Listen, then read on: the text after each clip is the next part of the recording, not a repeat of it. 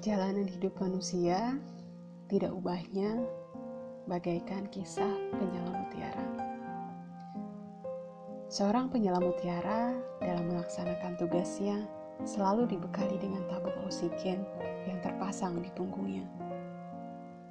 Pada saat dia terjun menyelam, niatnya bulat ingin mencari tiram mutiara sebanyak-banyaknya. Tetapi begitu ia berada di bawah permukaan laut, ia mulai lupa pada apa yang harus dicarinya. Kenapa? Ternyata pemandangan di dalam laut sangat mempesona. Bunga karang yang melambai-lambai seolah memanggilnya. Ikan hias berwarna-warni yang saling berkejaran dengan riangnya, membuatnya terpana. Ia pun lalu terlena, ikut bercanda ria. Melupakan tugasnya semula untuk mencari tiram mutiara yang berada di jauh di dasar laut sana. Hingga pada suatu saat, dia terkejut manakala disadarinya oksigen yang berada di punggungnya tinggal sedikit lagi. Timbullah rasa takut.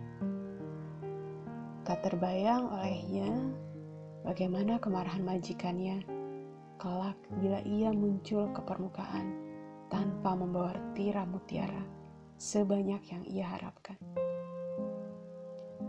Maka dengan tergopoh-gopoh, ia pun berusaha untuk mencari tiram mutiara yang ada di sekitarnya.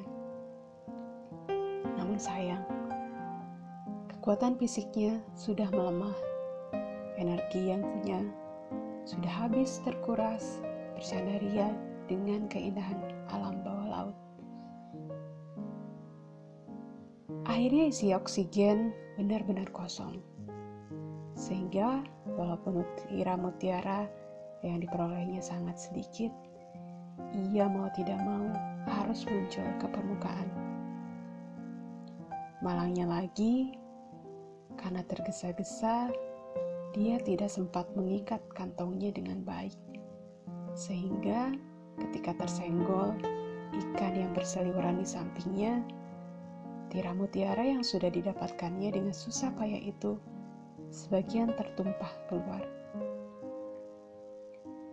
Di permukaan majikannya telah menunggu.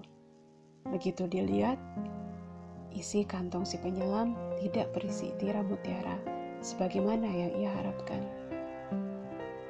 Maka tumpahlah caci maki dan saat itu juga si penyelam dipecat tanpa pesangon sedikit pun.